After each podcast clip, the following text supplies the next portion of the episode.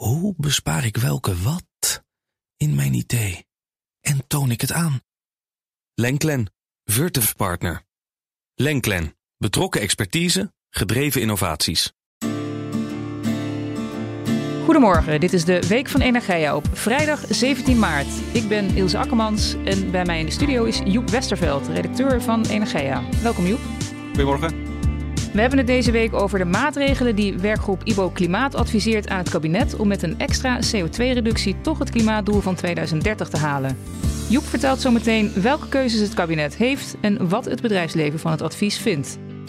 Maar eerst kijk ik met eh, hoofdredacteur Wouter Hielkema naar ander nieuws van deze week. En ook Wouter is weer bij ons in de studio. Goedemorgen Wouter. Goedemorgen Ilse. Ik vraag je altijd welke onderwerpen er voor jou uitsprongen in het energienieuws van deze week. En één onderwerp lijkt me duidelijk: de monsterzegen van de boer-burgerbeweging bij de provinciale statenverkiezingen. Ja, inderdaad. Eh, die overwinning is niet te negeren. En de vraag die wij zo even behandelen is wat het gaat betekenen voor het energiebeleid. Het tweede onderwerp wat ik vandaag even wil aanstippen is: de provincie Noord-Holland heeft als eerste het provinciale infrastructuurprogramma, bekend onder de naam PMIC, gepubliceerd. Met daarin zeven energieknooppunten van regionaal belang. Die moeten voorrang krijgen bij grootschalige investeringen in nieuwe energieinfrastructuur. En tot slot wil ik het hebben over het voorstel van de Europese Commissie voor hervorming van de Europese elektriciteitsmarkt. Ja, laten we beginnen met de provinciale statenverkiezingen. Zoals verwacht heeft de boer-burgerbeweging BBB veel stemmen gekregen, maar zoveel had misschien wel niemand verwacht. Uh, die stemmen gingen ten koste van vooral Forum van Democratie, maar ook de coalitie verliest. Wouter, ja, voor BBB staat een eerlijk verhaal over voedselproductie in Nederland centraal, zo staat in het verkiezingsprogramma te lezen. Wat zijn in grote lijnen de plannen van BBB op energiegebied? Is dat duidelijk? Ja, daar is wel wat over te zeggen. Ik heb alle twaalf verkiezingsprogramma's van de BBB doorgenomen en daar is wel een grote lijn in te ontdekken.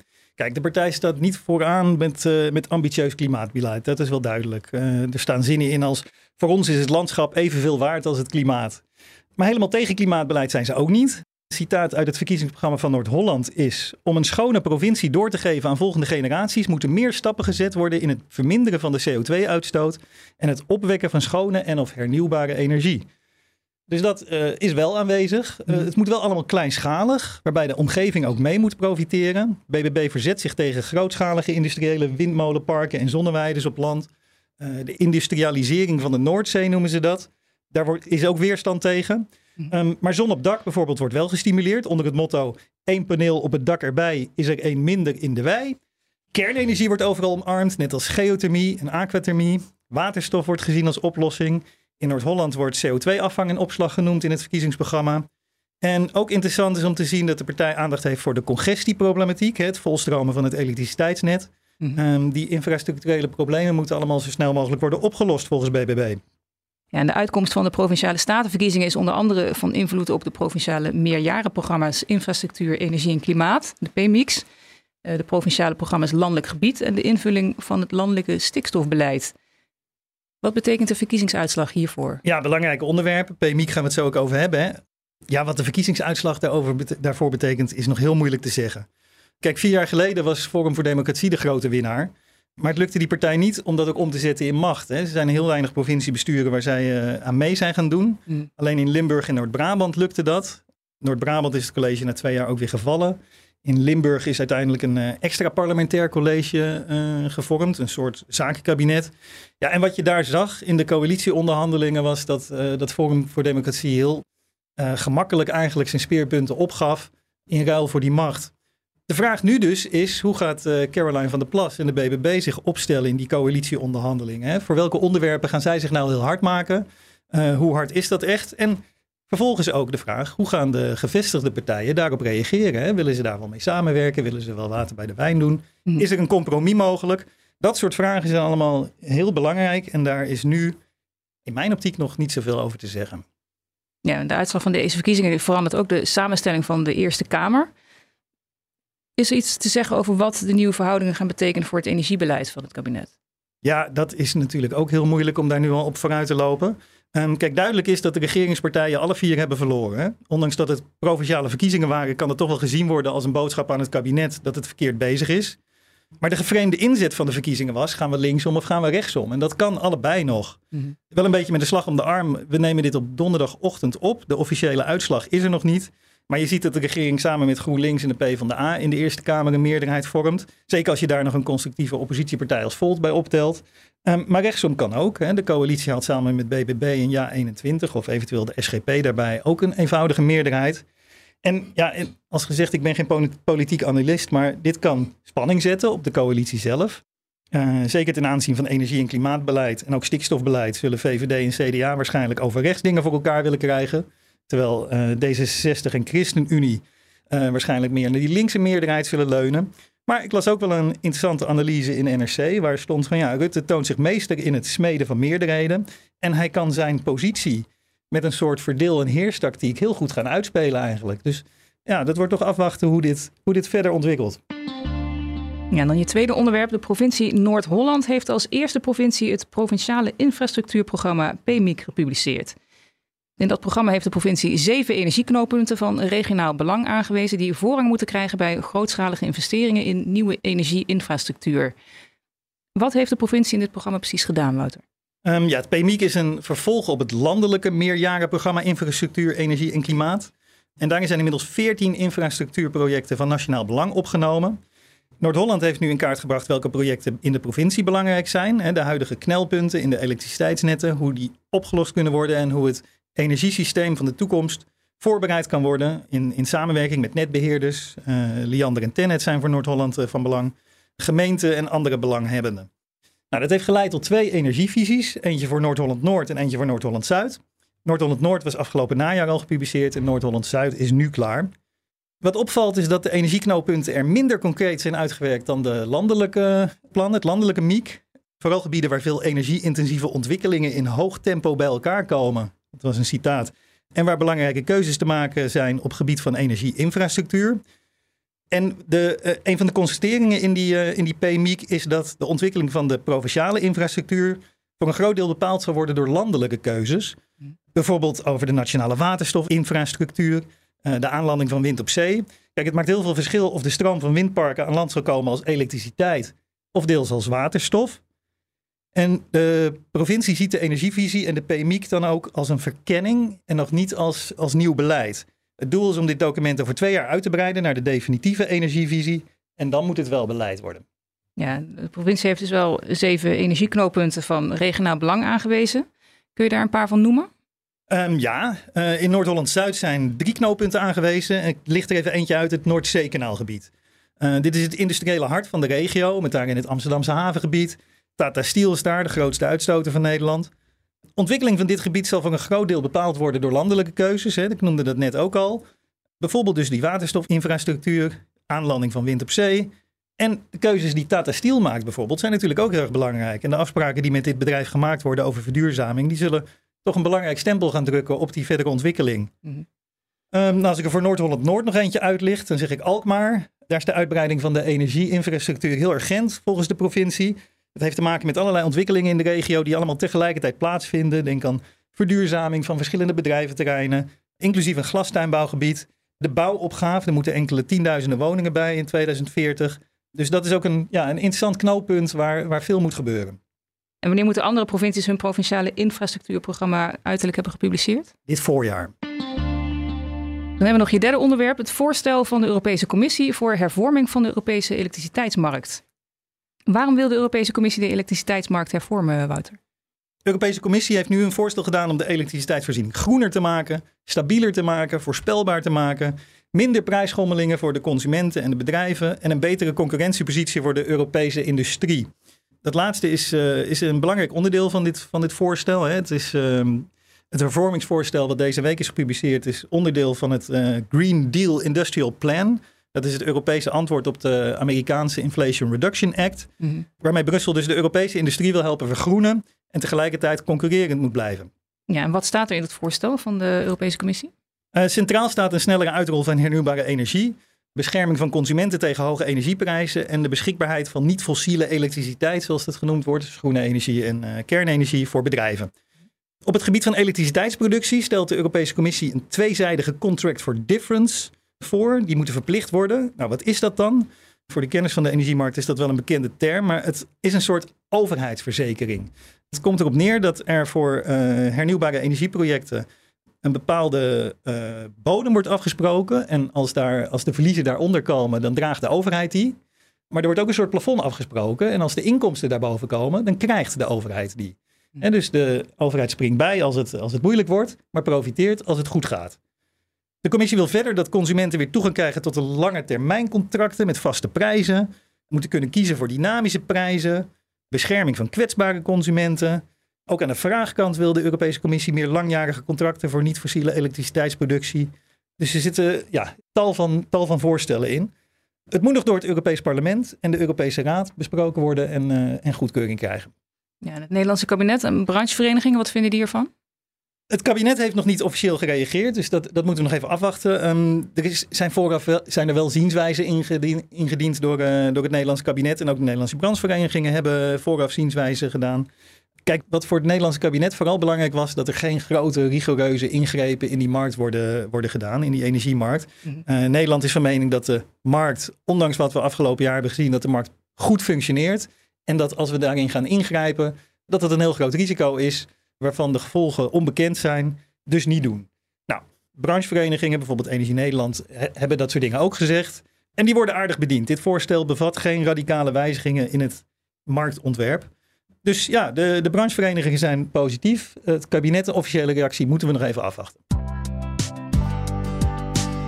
Dankjewel, Wouter Hielkema. De werkgroep IBO Klimaat adviseert het kabinet een keuzemenu aan maatregelen om met een extra CO2-reductie toch het klimaatdoel van 2030 te halen.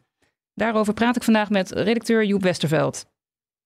Joep, we hebben er van de week al het een en ander over voorbij zien komen. Een mogelijke belasting op vlees, een hogere CO2-belasting voor de industrie en een hogere belasting op gas. Het is een advies dat is aangevraagd door het kabinet. Waarom heeft het kabinet eigenlijk om dit advies gevraagd?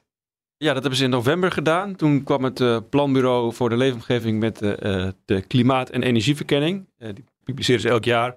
Daar staat onder andere in uitgerekend van hoeveel CO2-reductie steven we nu als Nederland eigenlijk op af in 2030 met bestaand beleid. Nou, de conclusie daaruit was, we gaan met dit beleid de doelen niet halen. De mhm. reductie komt uit op ergens tussen de 39 en de 50 procent.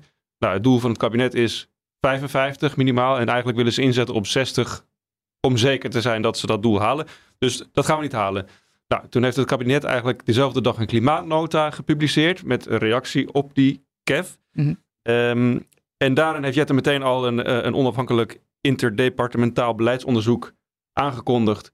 Die dus in kaart moet brengen, oké, wat moeten we dan doen aan aanvullende maatregelen? Of wat kunnen we doen om die doelen wel te halen?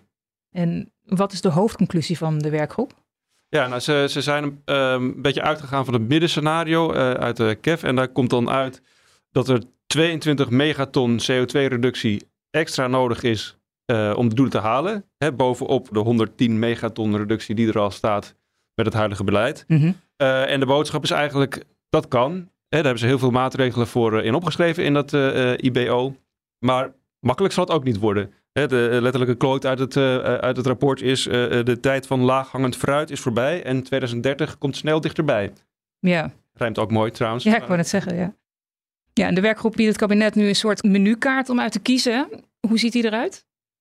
Ja, nou, je, inderdaad, er zijn, er zijn tientallen maatregelen die, die eigenlijk een beetje uiteenvallen in zes verschillende sectoren. Dus je hebt de gebouwde omgeving, de landbouw, mobiliteit, de industrie uh, elektriciteitsproductie en landgebruik. Dat zijn de zes. Nou ja, daar kan het kabinet uit kiezen. Uh, dit voorjaar willen ze daar uh, een definitieve keuze in maken, zeg maar voor de zomer. Mm -hmm. overigens is het, dit rapport niet het enige rapport dat ze daarbij gebruiken. Ze kunnen veel meer gebruiken. Dit is gewoon één van de documenten. Maar wat ze hebben gedaan is dat ze die maatregelen een beetje hebben gegroepeerd in een soort, ze noemen dat een centraal beleidspakket. Dat zou het kabinet dus één op één kunnen overnemen. Dan, dan haal je dus die 22 megaton extra reductie. En in dat pakket komt uh, de grootste reductie vooral weg bij de mobiliteit, de landbouw en de industrie. Daarnaast hebben ze ook nog twee andere alternatieve pakketten samengesteld. Uh, eentje waarbij met name de landbouw wat meer wordt ontzien tot aan 2030. Uh, eh, en een tweede waarin dus vooral de industrie wat meer wordt ontzien tot 2030. Kun je voorbeelden noemen van maatregelen die de energiesector raken? Ja, nou, bijvoorbeeld, ik, zal er even gewoon eh, drie noemen. Een concreet voorstel is uh, het aanpassen van de energiebelasting. Daar wordt al langer over gepraat, maar zij hebben daar nu ook echt een voorstel voor gedaan van wat voor tarieven daar dan bij uh, horen. Ik zal ze niet allemaal opnoemen, maar bijvoorbeeld voor huishoudens gaat dan het tarief van gas omhoog. Uh, van 47 cent per kuub naar 70 cent per kuub. Mhm. En het tarief voor elektriciteit juist weer sterk omlaag van 13 cent per kilowattuur naar 3 cent per kilowattuur. Dat is een beetje de algemene beweging die je ziet. Eh, eh, meer eh, belasting op gas, minder op elektriciteit om te stimuleren dat mensen overstappen. De tweede maatregel is bijvoorbeeld dat ze meer fossiele uitstoot, of eigenlijk alle fossiele uitstoot, onder het ETS willen brengen. Dus het ETS dat is het Europese emissiehandelssysteem. Ja, dus het systeem wat nu bestaat, dat dwingt grote industrie om voor elke megaton uitstoot een emissierecht te kopen. Ter stimulering van de verduurzaming. Er komt vanaf 2027 een, een tweede ETS bij. Hebben we hier ook wel eens over gepraat. Voor eh, de gebouwde omgeving en het transport. Mhm. Maar zelfs dan valt nog niet alle fossiele uitstoot eronder. Want bijvoorbeeld eh, de glastuinbouw valt er niet onder. De binnenscheepvaart valt er niet onder. Eh, maar de Europese regels hebben wel een optie van een opt-in, noemen ze dat. Waarmee lidstaten dus wel aanvullende sectoren ook onder het ETS kunnen brengen. En het, het IBO, dit rapport, adviseert eigenlijk om dat te doen. En zodat alle uitstoot eh, eh, onder, onder het ETS-systeem valt. Nou ja, en een derde eh, voorbeeld is dan, je hebt in, de, in het bedrijfsleven de energiebesparingsplicht. Dus bedrijven zijn dan verplicht om alle energiebesparende maatregelen te nemen die zich binnen vijf jaar terugverdienen. Maar ze, ze adviseren ten eerste eigenlijk vooral om, om dat veel strenger te gaan naleven. Alleen al daar, daarin is veel winst te halen, zeggen ze. En ten tweede moet de termijn omhoog. Dus niet alleen alle maatregelen die zich binnen vijf jaar terugverdienen, maar binnen tien jaar eh, terugverdienen. En hoe reageert de markt op het advies? Nou, ehm, best wel kritisch eigenlijk. Ik heb vooral reacties opgehaald tussen in de industrie en bij energiebedrijven. En een punt wat heel erg sterk naar voren komt, is dat zij een beetje missen. ehm, kijk, het, het IBO stelt zelf dat een randvoorwaarde voor- om, om deze maatregelen te kunnen halen is dat er genoeg eh, capaciteit moet zijn op het elektriciteitsnet Mhm. en dat er ehm, eh, eh, snelle vergunningverlening moet zijn. Maar hoe we dat precies voor elkaar krijgen, daar gaat het rapport eigenlijk niet echt op in. En dat is dus iets wat het, wat het bedrijfsleven mist. En eh, bijvoorbeeld een maatregel in de industrie is het verhogen van de CO2-heffing. Dus we willen de CO2-heffing eh, zetten op twee- 250 euro per megaton in 2030. Mhm. Nou, dat is een, een flinke eh, prijs. Maar als je dan vervolgens dus niet de randvoorwaarden hebt en niet eh, genoeg toegang tot het stroomnet, wa- eh, waardoor bedrijven niet kunnen elektrificeren en die uitstoot gewoon niet kunnen eh, reduceren, ja, dan jaag je ze eigenlijk alleen maar op kosten, zeggen zij. En ehm, ja, ik heb bijvoorbeeld gesproken met eh, Hans Grunveld van eh eh FEMW, dat is een grootverbruikersvereniging. Nou, die, die klonk echt een beetje teleurgesteld bijna. Die zegt van ja, we, dit, we weten al heel lang dat dit is het cruciale punt. Eh, daar, draaien we al tijden omheen. Eh, het IBO noemt dat dit een randvoorwaarde is. Maar vervolgens leggen ze eigenlijk niet uit hoe dan. Dus ja, daar zijn bedrijven wel kritisch op. Ja. ja, het IBO adviseert wel een Climate Urgency Office op te zetten, waarin vertegenwoordigers van overheid, netbeheerders, NGO's en bedrijven knelpunten in de energietransitie eh, moeten gaan oplossen. Hoe wordt daarop gereageerd? Nou ja, dit is, dit is inderdaad een voorstel wat erin staat. Het is eigenlijk een beetje onduidelijk wat dit dan precies eh, behelst. Eh, wa- wa- wat ze dan precies moeten doen. Dat wordt ook een beetje aan de politiek overgelaten. Dus je merkt dat in het bedrijfsleven de reactie een beetje is van... ja, we, we weten gewoon niet zo goed wat, wat dit is. Dat kunnen we niet goed inschatten. Mhm. Eh, maar dat maakt het dus ook lastig om, om, om de toegevoegde waarde in te schatten. Want wat, wat, ik wel heb teruggehoord is van... eh, er zijn al best veel overlegstructuren en commissies en expertteams samengesteld om de energietransitie vooruit te helpen. Als je daar nog weer, weer een nieuw team aan toe wil voegen, ja, dan moet, wel, dan moet het wel echt duidelijk toegevoegde waarde hebben. Nou ja, dat, dat blijkt in ieder geval uit dit rapport niet direct wat, wat dan die toegevoegde waarde zou moeten zijn. Ja. Overigens kreeg ik ook wel de opmerking, er, komt bijvoorbeeld nog een eh, nationaal programma eh, verduurzaming industrie aan. Eh, dat zou begin 2023 eh, gepubliceerd worden, dus dat, dat, dat zal waarschijnlijk snel komen. Daarin wordt ook wel ingegaan op, naar verwachting op de knelpunten. Dus, dus mogelijk dat daar dan wel de antwoorden uit naar voren komen waar het bedrijfsleven nu op wacht en nog een beetje mist. Dat zou kunnen.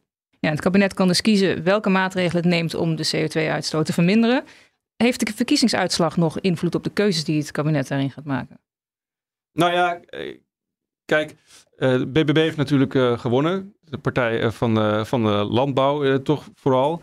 Ik zei net al, in het, in het adviesrapport zijn eigenlijk drie scenario's uitgewerkt. Mhm. En één scenario waarbij dus de landbouw wat meer wordt ontzien tot aan 2030. Dus nou, je zou je kunnen voorstellen dat, dat het kabinet uiteindelijk ook uitkomt op een pakket wat de landbouw wat meer ontziet.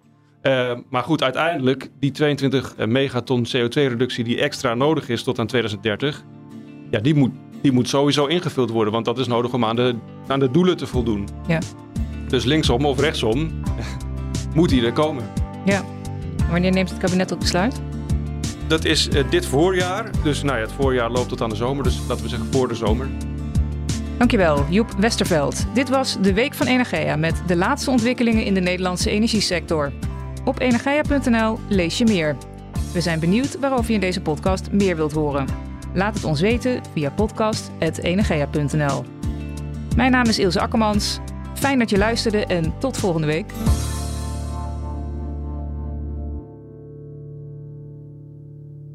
Hoe bespaar ik welke wat in mijn idee? En toon ik het aan? Lenklen, Virtuf Partner. Lenklen, betrokken expertise, gedreven innovaties.